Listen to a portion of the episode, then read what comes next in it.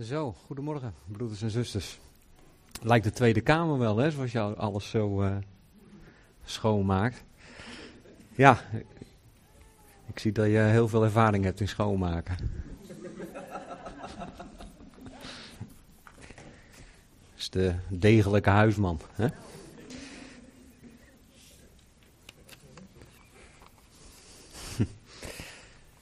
Ja, fijn dat we samen kunnen komen en uh, gelegenheid hebben om samen ook weer na te denken over wat er in het woord van God staat. Ik wilde het vandaag hebben over de dag. Uh, hoe wordt er in de Bijbel gesproken over de dag? Wat is een dag eigenlijk? Vanmorgen kwam in het uh, gebed voor de dienst kwam dat ook wel zo naar voren dat het vandaag de opstandingsdag is. Dat wil zeggen, we herdenken de opstandingsdag, de eerste dag van de week. En um, ja, leek mij wel mooi om, uh, en dat is niet pas na de bidstond uh, bedacht hoor, maar het leek mij wel mooi om het daarover te hebben. Um, omdat er allerlei uh, dagen zijn in ons leven, ja, die belangrijk zijn. Je kunt denken aan bijvoorbeeld de dag dat je getrouwd bent, de dag dat je geboren bent, dat vieren we ook nog elk jaar.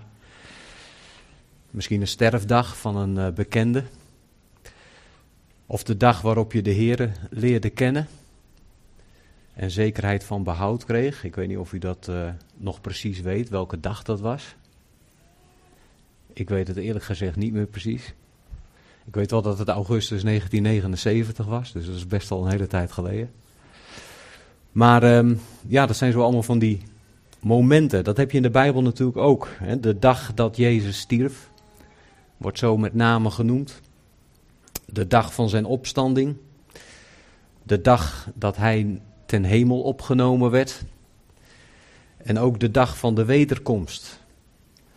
En dan heb je het ook nog over grotere perioden zoals de dag des Heren of de dag van God. op allerlei manieren komt dat in de Bijbel naar voren. Um, ik stel voor om heel eventjes met u te lezen Genesis 1. Want daar kom je in eerste instantie tegen wat eigenlijk een dag is.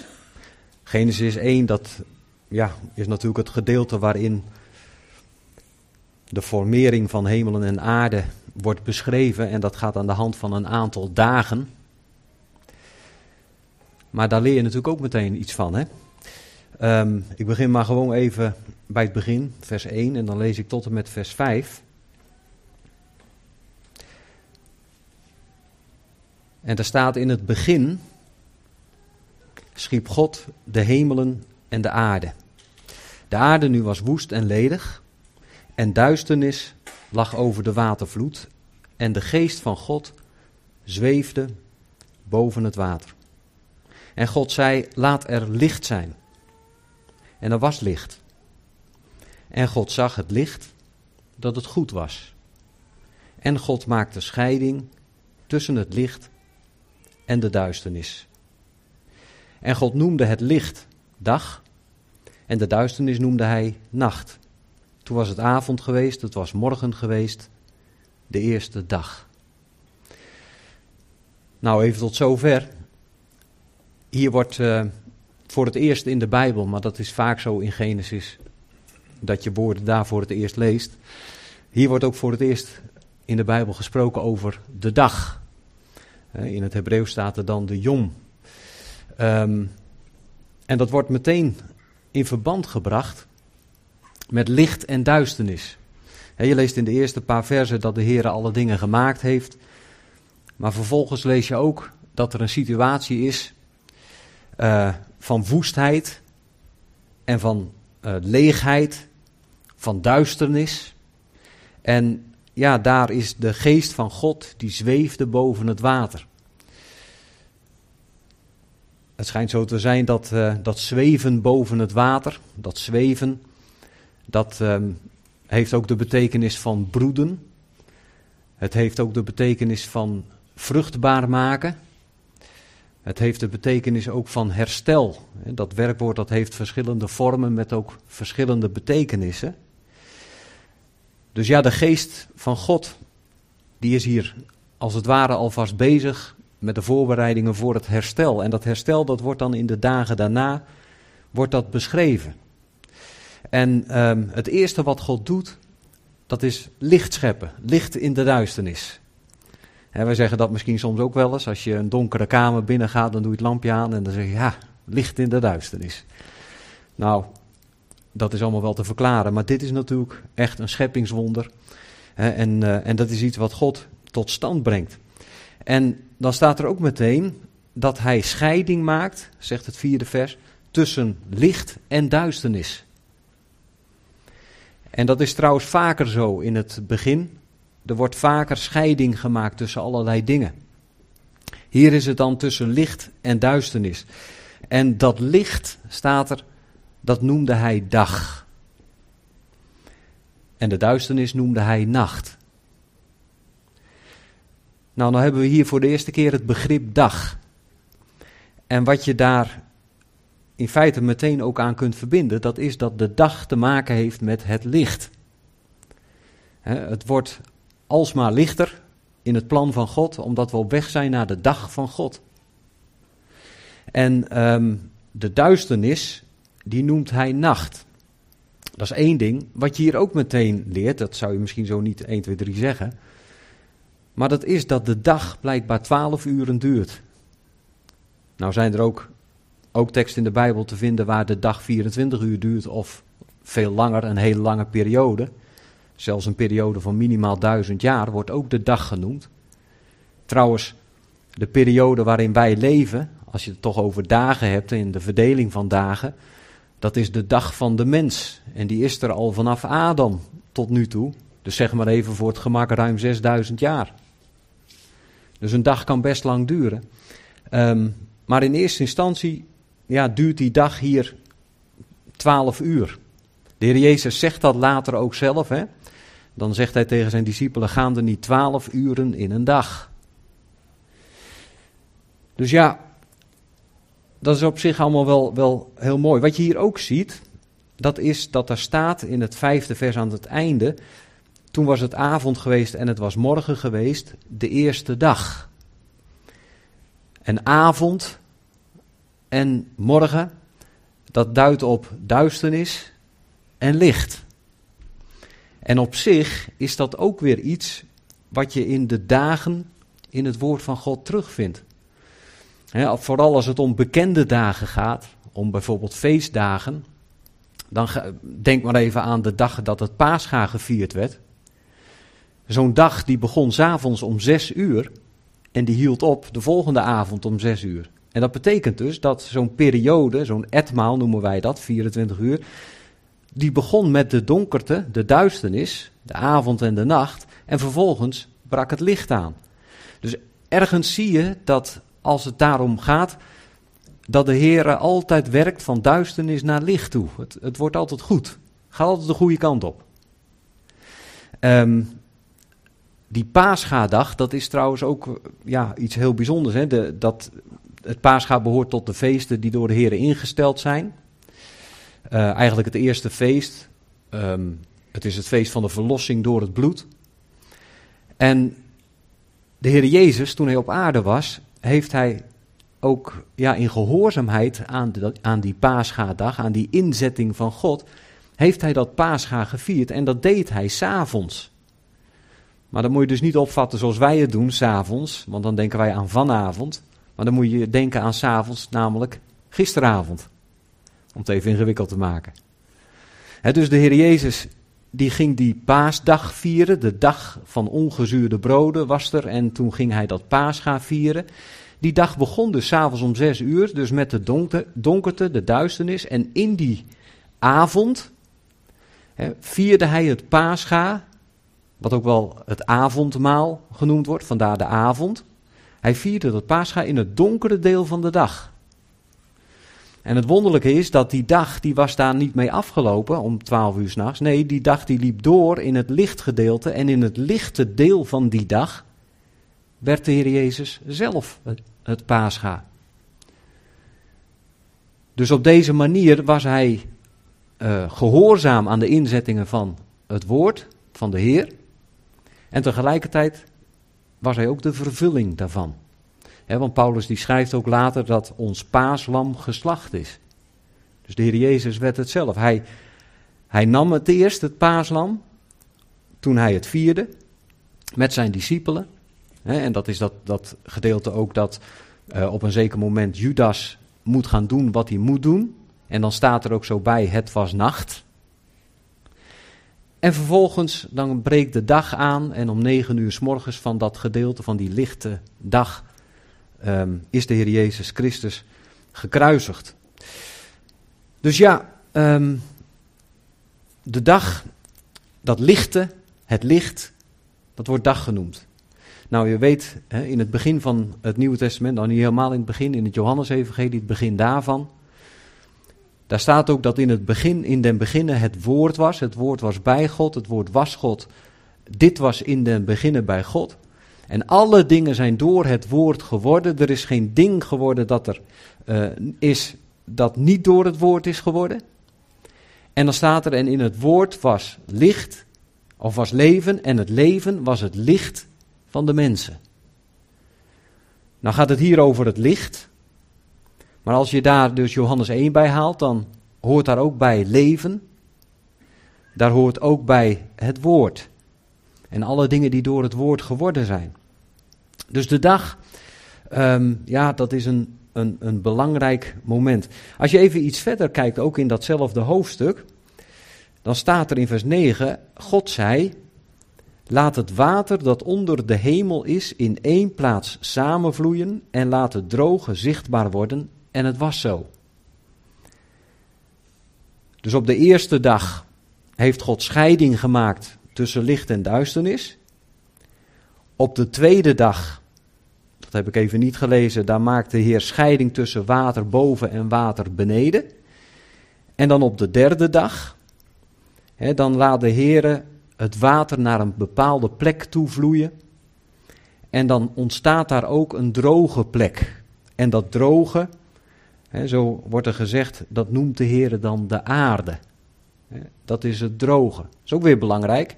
Net zoals dat dag dus in eerste instantie betekent licht, betekent aarde in de Bijbel in eerste instantie het droge. Dat is het droge gebied.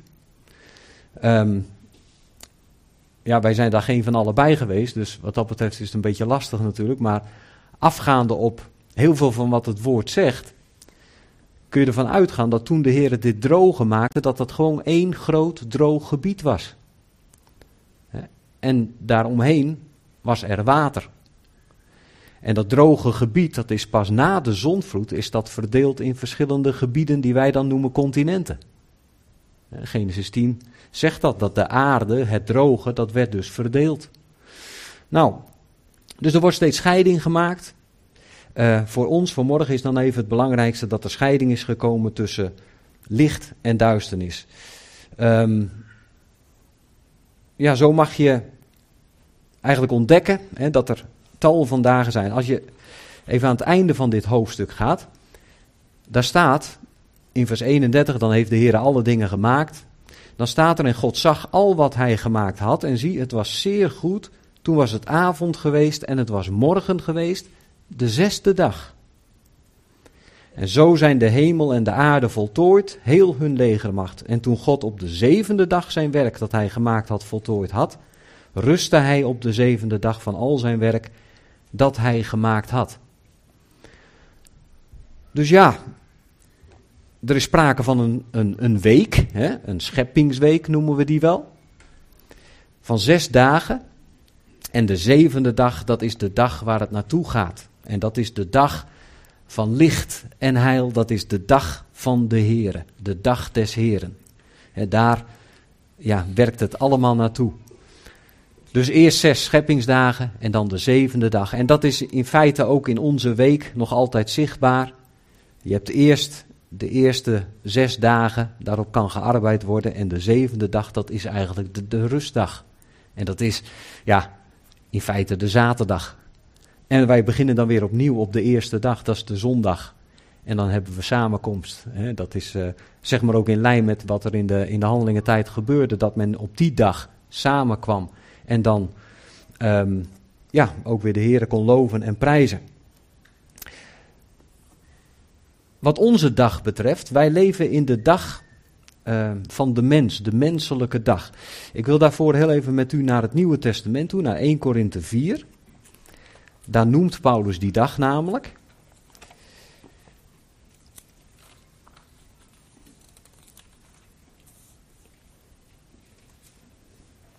Want het is natuurlijk wel goed om te weten dat, en dat is ook meteen om het weer een beetje ingewikkelder te maken, dat daar waar dag in principe licht betekent, dat geestelijk gezien een dag ook duisternis kan zijn. De grote lijn is, het gaat van duisternis naar licht. Dat kun je vasthouden.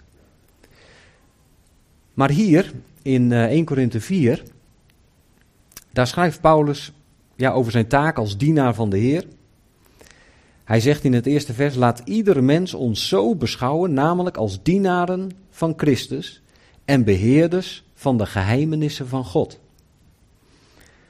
dus hij spreekt daar even over zijn eigen taak als dienaar van Christus. Dat, dat sluit ook aan in het, op het voorgaande gedeelte. daar gaat het over het eh, fundament en hoe bouw je op het fundament met hout, hooi of stoppelen of met uh, zilver, goud en kostbaar gesteente. Heel vaak uh, merk je wel dat dat toegepast wordt op het persoonlijke geloofsleven. of dat je medegelovige wordt aangesproken met van bouw jij wel goed op het fundament dat er ligt? Op je, je levenshuis, doe je dat wel netjes? Bouw je wel met goud uh, en, en zilver en edelgesteente?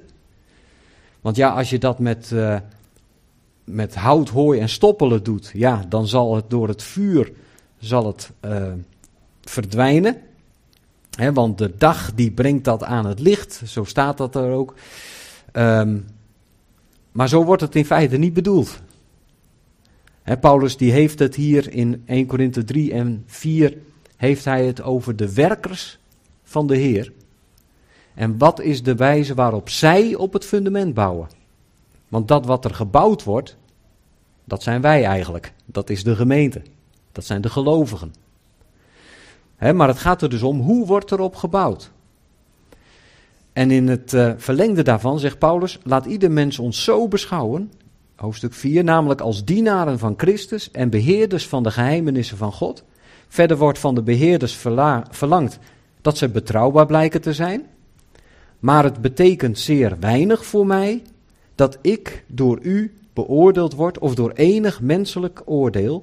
Ja, ik beoordeel ook mijzelf niet, want ik ben mij van niets bewust, maar daardoor ben ik nog niet gerechtvaardigd. Wie mij echter beoordeelt, is de Heere. Oordeel daarom niets voor de tijd, totdat de Heere komt. Hij zal ook wat in duisternis verborgen is aan het licht brengen en de voornemens van het hart openbaar maken en dan zal ieder van God lof ontvangen. En dan zegt hij, deze dingen heb ik ter wille van u op mijzelf en Apollos toegepast. En dat zijn dus, Apollos is ook een werker in de dienst van de Heer. Nou, waar Paulus het maar over heeft, hè, dat is dat hij wijst op zijn taak als dienaar van de Heer. En ehm, het enige waar het om draait, zegt Paulus, dat is dat je betrouwbaar bent. Dat wil zeggen dat je handelt in overeenstemming met het woord dat de Heer je gegeven heeft. Betrouwbaar zijn. Ik ben mij van niets bewust, zegt hij. En, uh, maar daardoor ben ik nog niet gerechtvaardigd. Wie mij beoordeelt is de Heer. En dan noemt hij in vers 3, noemt hij op een zeker moment het menselijk oordeel. Hij zegt, het betekent zeer weinig voor mij dat ik door u beoordeeld word of door enig menselijk oordeel. Hij zegt eigenlijk van ja, het maakt mij niet uit wat de anderen van mij vinden. Het doet mij zeer weinig. Zo mooi. Hij zegt niet het doet mij niets. Maar hij zegt het doet mij zeer weinig. Het doet hem wel wat dus, blijkbaar maar toch zeer weinig, of, hij, of ik door u beoordeeld word. En dan zegt hij, of door enig menselijk oordeel. Nou, als je de HSV hebt, dan heb je ook een voetnootje erbij staan en dan staat er, of door enige menselijke dag. En de menselijke dag, Dat is in feite die periode die ik zo straks noemde, van Adam tot in ieder geval tot nu toe. En die zal voortduren tot het moment, en dat moment noemt hij in vers uh, eh, 5, tot het moment dat de Heere komt. Want dan breekt de dag van de Heere aan. Dus die menselijke dag, dat is de dag, hè, zo kun je dat opmaken uit vers 3, dat is de dag waarop de mens oordeelt. De dag des Heren, dat is de dag waarop de Heere oordeelt. Waarop hij het voor het zeggen heeft. En Paulus zegt van ja, het maakt mij niet zoveel uit. Of ik nou door u word beoordeeld of door de menselijke dag. Door mensen die denken dat ze wat te zeggen hebben over me. Ik beoordeel mijzelf niet. Degene die mij beoordeelt, zegt Paulus, dat is de Heere. Wij leven nu nog in de menselijke dag. Maar geestelijk gezien wordt die menselijke dag gekenmerkt door duisternis. En we wachten op het licht dat komen gaat. Ehm, de nacht is ver gevorderd, zegt Paulus op, eh, in de Romeinenbrief. De dag is nabij. En dan duidt hij ook weer op de dag van de wederkomst, de dag waarop de Heer Jezus Christus ja, zich zal openbaren. Dus hoewel de grondbetekenis van dag wel licht is, is het tegelijkertijd zo dat geestelijk gezien het ook een beetje anders kan liggen. Wat heet? Deze menselijke dag, dat is een dag die gekenmerkt wordt door geestelijke duisternis. En ja, wat dat betreft hoef je natuurlijk maar om je heen te kijken en proberen een beetje door de oppervlakte heen te prikken van alles wat er gaande is. En dan ontdek je inderdaad hè, dat de wereld waarin je leeft, dat het bepaald nog geen, geen utopia is. Nou zitten we daar ook niet echt op te wachten trouwens. Maar het is verre van volmaakt. Ehm, we hebben te maken met ziekte, we hebben te maken met dood, we hebben te maken met ellende en rouw en, en van alles. Ehm, nee, dat is bepaald nog niet zoals het zijn moet. Rechtvaardigheid, dat kennen we eigenlijk niet. Deze dag waarin wij leven, die wordt gekenmerkt door het feit dat mensen het voor het zeggen hebben, dat mensen mogen oordelen. Maar ja, wie zegt dat dat rechtvaardig is? Er worden regelmatig worden er, als er dingen uitgezocht worden, worden de waarheidscommissies ingesteld. Maar hoe zou een mens nou ooit echt waarheid kunnen ontdekken? Als het buiten de Here om is. Nee, waarheid dat is zo'n begrip dat hoort bij het licht. Maar dan het licht van God. En als de Heer Jezus Christus zich zal openbaren in de toekomst, dan zal hij inderdaad orde op zaken stellen. Maar dan staat er ook in Jezaja dat de bewoners van de wereld rechtvaardigheid zullen leren. En dan kom je er echt achter wat de rechtvaardigheid is. En hoe het is dat iemand rechtvaardig regeert. Dus het komt wel goed. Dat is in ieder geval uh, waar we zeker van mogen zijn. De dag waarin wij leven, de dag van de mens, die grote periode, die wordt nog gekenmerkt door duisternis. Als we nog even wat verder bladeren naar de Efezebrief.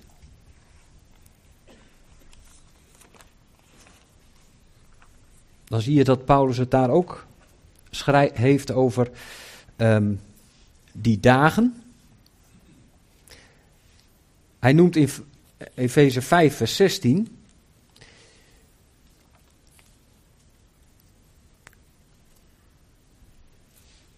Daar noemt hij, of daar schrijft hij dat de dagen kwaad zijn. vers 15, let er dan op dat u nauwgezet wandelt, niet als dwazen, maar als wijzen, en buit de geschikte tijd uit, omdat de dagen vol kwaad zijn.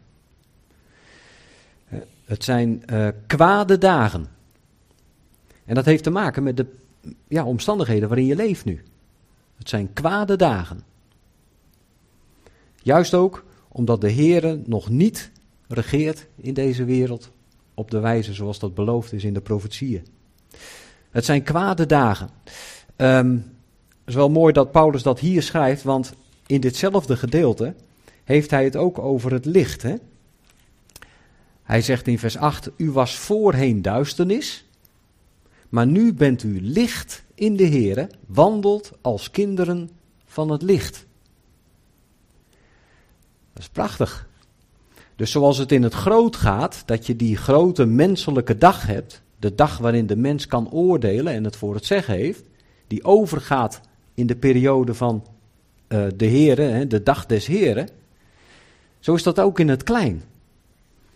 u was voorheen duisternis, zegt Paulus tegen de gelovigen hier in Christus. U was voorheen duisternis, maar nu bent u licht. Dus dat wat in het grote in de toekomst zal gebeuren, dat is in geestelijke zin nu al met je gebeurd. Je was duisternis, maar nu ben je licht in de Heer. Um, vers 9, hij zegt wandel als kinderen van het licht, vers 9, want de vrucht van de geest bestaat in alle goedheid en rechtvaardigheid en waarheid. En beproef wat de Heere wel behaaglijk is. Neem niet deel aan de onvruchtbare werken van de duisternis, maar ontmasker ze veel meer, veel eer. Want wat heimelijk door hen gedaan wordt, is te schandelijk om zelfs maar te vertellen. Maar al deze dingen komen openbaar als ze door het licht ontmaskerd worden, want al wat openbaar maakt, is licht. En daarom zegt hij: Ontwaak, u die slaap, slaapt, sta op uit de doden. Christus zal over u lichten. Is toch prachtig, broeders en zusters, dat je mag weten dat je ontwaakt bent uit de slaap. Wij zijn namelijk met Christus opgewekt. Dat is datzelfde woord, ontwaken. Wij zijn met Christus opgewekt. We zijn met Hem levend gemaakt dus. En waar we nog op wachten, dat is de opstanding. Onze opstanding dan wel te verstaan. En dat gaat nog gebeuren. Ehm, maar ondertussen moet je je wel realiseren dat je in een tijd leeft waarin de dagen kwaad zijn. In uh, Efeze 6, daar gaat het over de wapenrusting. Daar schrijft hij ook iets dergelijks. Hij zegt in vers uh, eh, 13: Neem daarom de hele wapenrusting van God aan, opdat u weerstand kunt bieden op de dag van het kwaad en na alles gedaan te hebben, stand kunt houden. dus staan in de positie die je hebt ontvangen in Christus. Nou, en dan schrijft Paulus in de Efezebrief ook over die toekomstige dag. En dan even heel specifiek de hoop die wij hebben op die toekomstige dag. Want als je het hebt over de dag des Heren, dan is dat een profetisch begrip. En dat duidt op een langere periode die in de toekomst zal gaan plaatsvinden. Ehm, dat is de periode waarin Israël bovenaan zal staan, het hoofd van de volkeren zal zijn. En waarin de volkeren gezegend kunnen worden via het volk van Israël. Dat als priesternatie dan zal, zal optreden. Maar dat is allemaal wat hier in de wereld gebeurt. Zal gaan gebeuren. Duisternis maakt plaats voor licht. Ehm, maar voor onszelf, wat is nou onze hoop? Paulus die schrijft in de Efezebrief, um, dat is in het uh, dertigste vers van hoofdstuk 4. Hij schrijft, bedroef de heilige geest van God niet, door wie u verzegeld bent tot de dag van de verlossing. Kijk, en dat is waar wij naar uitkijken. de dag van de verlossing. Die kant gaat het op. Mijn vader die, uh, had altijd de gewoonte om, uh, als er dan een beetje een grotere klus was afgerond, dan zei hij altijd van, nou, weer een stapje dichter bij de verlossing. Nou bedoelde hij dat niet vanuit de Efezebrief of uh, wat dan ook, maar het was meer van, daar ben ik er weer vanaf, weet je wel. Maar we moeten ons wel realiseren, elke dag is een dag dichter bij de verlossing. De dag van de verlossing die zullen we meemaken, want zegt Paulus, als gelovige ben je verzegeld met de Heilige Geest. Dat is ook wat in Efeze 1 zo naar voren komt. Je bent verzegeld met de Heilige Geest der belofte. En die is een onderpand van de erfenis die over je zal komen. Um, dus de dag van de verlossing. Het mooie is, in de Filippense brief schrijft Paulus ook over die dag.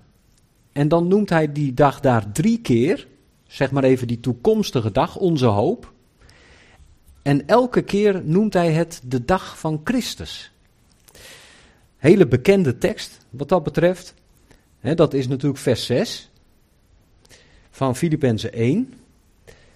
Daar schrijft Paulus: Ik vertrouw erop dat hij die in u een goed werk begonnen is, dat voltooien zal tot op de dag van Jezus Christus. Dat is een bekende tekst. Ik zou haar zeggen een soort ansichtkaartentekst. Hè? Ik vertrouw erop dat hij die in u een goed werk begonnen is. Wanneer is hij dat goede werk begonnen in ons? Nou, dat kun je aan het eind van vers 5 lezen. Vanaf de eerste dag tot nu toe. Dus er is op, op een zeker moment dus een eerste dag in ons leven geweest waarin we de Heer hebben leren kennen.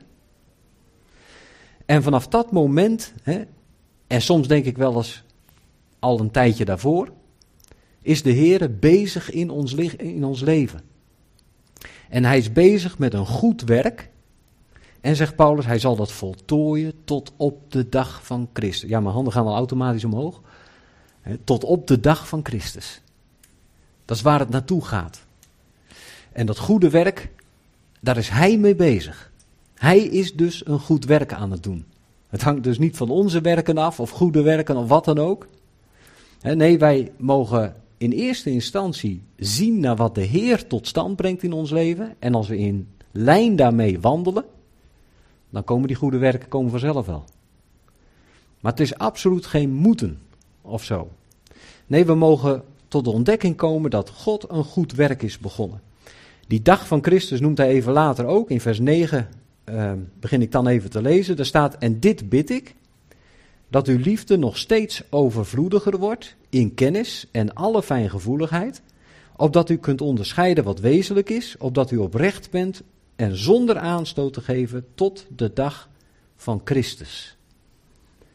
Dus aan de ene kant zegt hij: Ik weet zeker, God is een goed werk begonnen in je.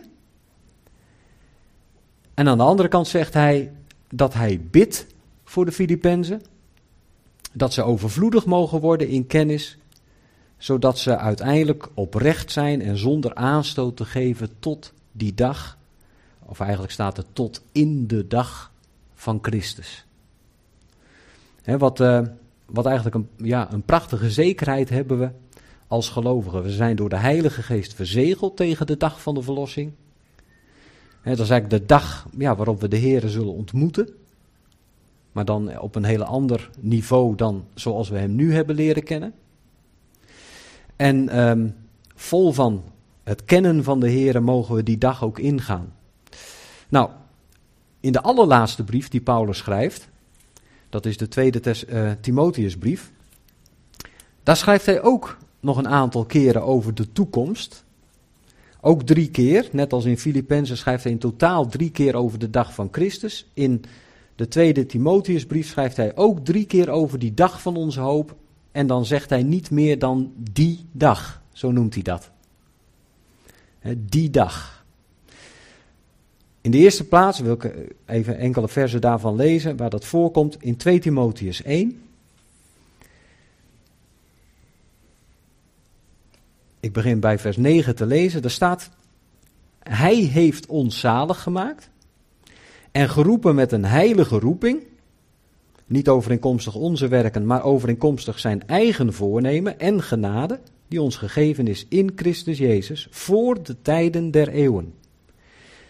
Maar nu is geopenbaard door de verschijning van onze zaligmaker, Jezus Christus, die de dood niet gedaan heeft, de dag van zijn opstanding, en het leven en de onvergankelijkheid aan het licht heeft gebracht door het evangelie.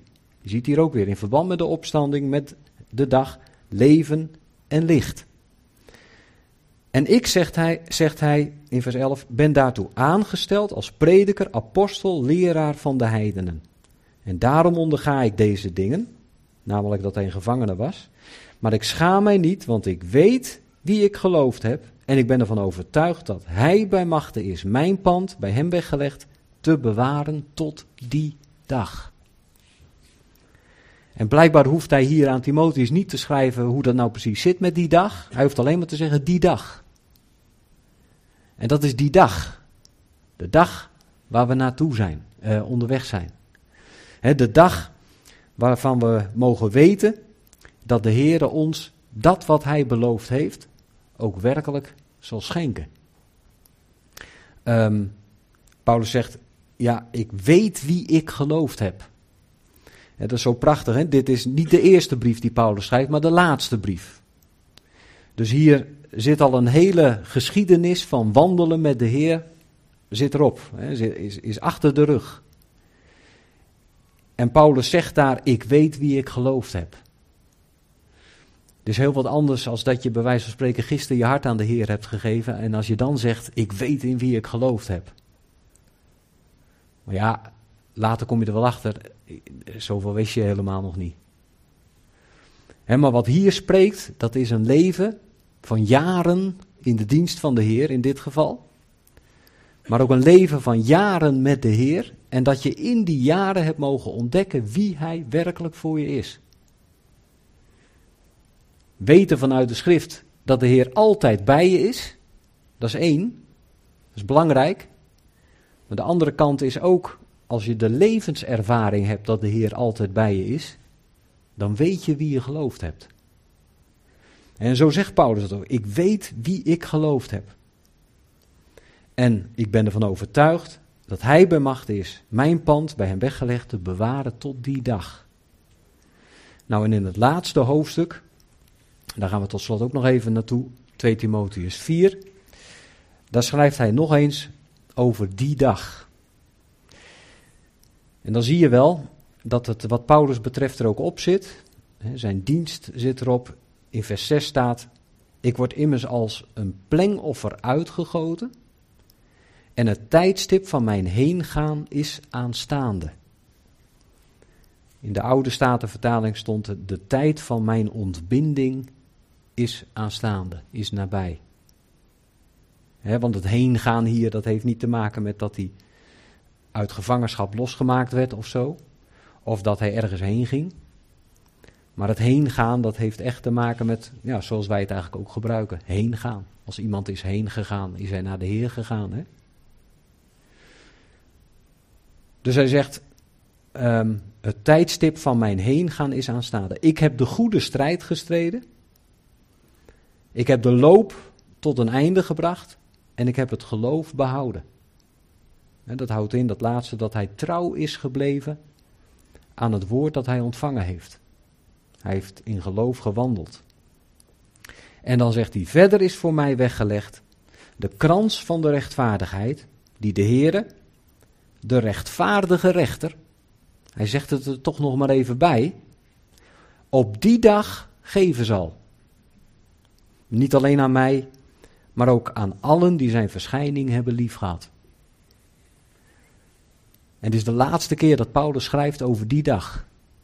En hij doet dat in feite vol hoop, wetend dat hij die krans van rechtvaardigheid zal ontvangen. En wel uit handen van de rechtvaardige rechter. We hebben ook gelezen uit 1 Korinthe 4, waarin Paulus nog zei van, ach, het doet mij zeer weinig of ik nou door u of door enig menselijke oordeel, menselijke dag wordt beoordeeld. Hij die mij beoordeelt is de Heere. Dus de enige waar ik verantwoording aan verschuldigd ben, is de Heere, zegt Paulus. En hier heeft hij het dan opnieuw over diegene die hem zal beoordelen, namelijk de Heere, en dan zegt hij erbij, de rechtvaardige rechter. En voor mij, zegt hij, is die krans weggelegd. En als je de verschijning van de Heere hebt liefgehad in je leven, en hier wordt dan uh, bedoeld met de verschijning, de toekomstige verschijning van de Heer Jezus Christus, de verschijning van de zalige hoop en onze verlosser Christus Jezus, Titus 2.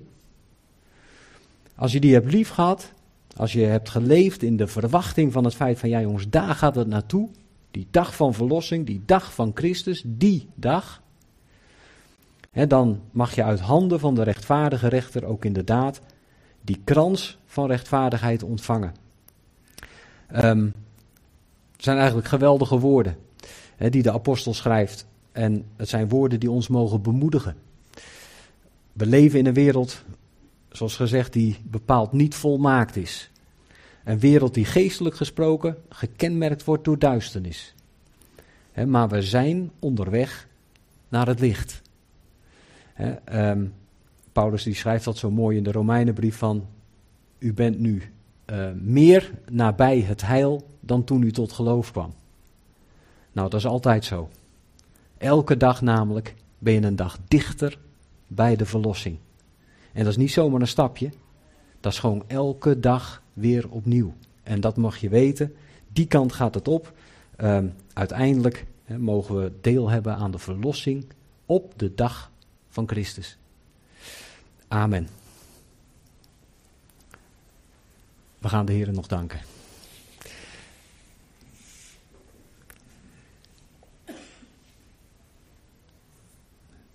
Lieve Vader in de hemel, we willen u danken, Heer, dat we u mogen kennen als onze hemelse Vader. Als degene, Heer, die ons voorziet in alles wat we nodig hebben. We danken u, Heer, voor de hoop die we ontvangen hebben en ook de verlossing die we ontvangen hebben. En dank dat we daar ook uit leven mogen, elke dag opnieuw. En weten mogen, heren, dat ja, dat moment waarop we in uw heerlijkheid met u geopenbaard mogen worden, heren, dat dat moment ook dichterbij komt. Dat we daar in ieder geval naartoe op weg zijn. En vader, dank, heren, dat we ja, wat dat betreft ook veilig geborgen zijn bij u. Heer, zoals we dat ook lezen, dat we met Christus, of dat ons leven met Christus verborgen is in u. En Heer, wat is dat? Ja, een geweldige zekerheid. Juist ook in een wereld die gekenmerkt wordt door duisternis. Heren, waarin we ontdekken dat er ook heel veel duistere werken te, ontmaskeren vallen. Heren, maar we danken u boven alles dat we ja, kinderen van het licht zijn geworden, in en door de Heer Jezus Christus. Dank u wel daarvoor. En dank heren dat u ja, zo elke dag met ieder van ons persoonlijk meegaat en voor ons zorgt. Dat u ons bewaart op de weg die we gaan en dat we het in alle dingen ja, van u mogen verwachten. Daar willen we u voor danken. Heren, danken ja, dat we ja, zo leven mogen en zo, heren, ervan verzekerd mogen zijn dat u nabij bent en er gewoon altijd voor ons bent. Dank u wel, heren, dat we zo mogen zien op degene in wie we geloven. We weten wie we geloofd hebben. We weten, heren, ja, hoe machtig en rijk u bent en vol ontferming. Vader in de hemel, dank u wel daarvoor. Dank dat we elkaar ook, heren, voor de komende tijd weer aan uw liefde en genade mogen toevertrouwen. U gaat met ons mee. U gaat met ieder van ons mee, heren, of we nu als gezin weer naar huis gaan, of als echtpaar, of misschien alleen. U bent er altijd bij. U zorgt altijd voor ons. En heren, daar willen we u voor danken. Dank u wel, heren, dat we daarom elkaar aan uw genade mogen toevertrouwen en elkaar in uw hand mogen leggen. We doen dat, heren, niet uit verdiensten, maar wel vanuit de rijkdom van uw genade. Amen. Amen.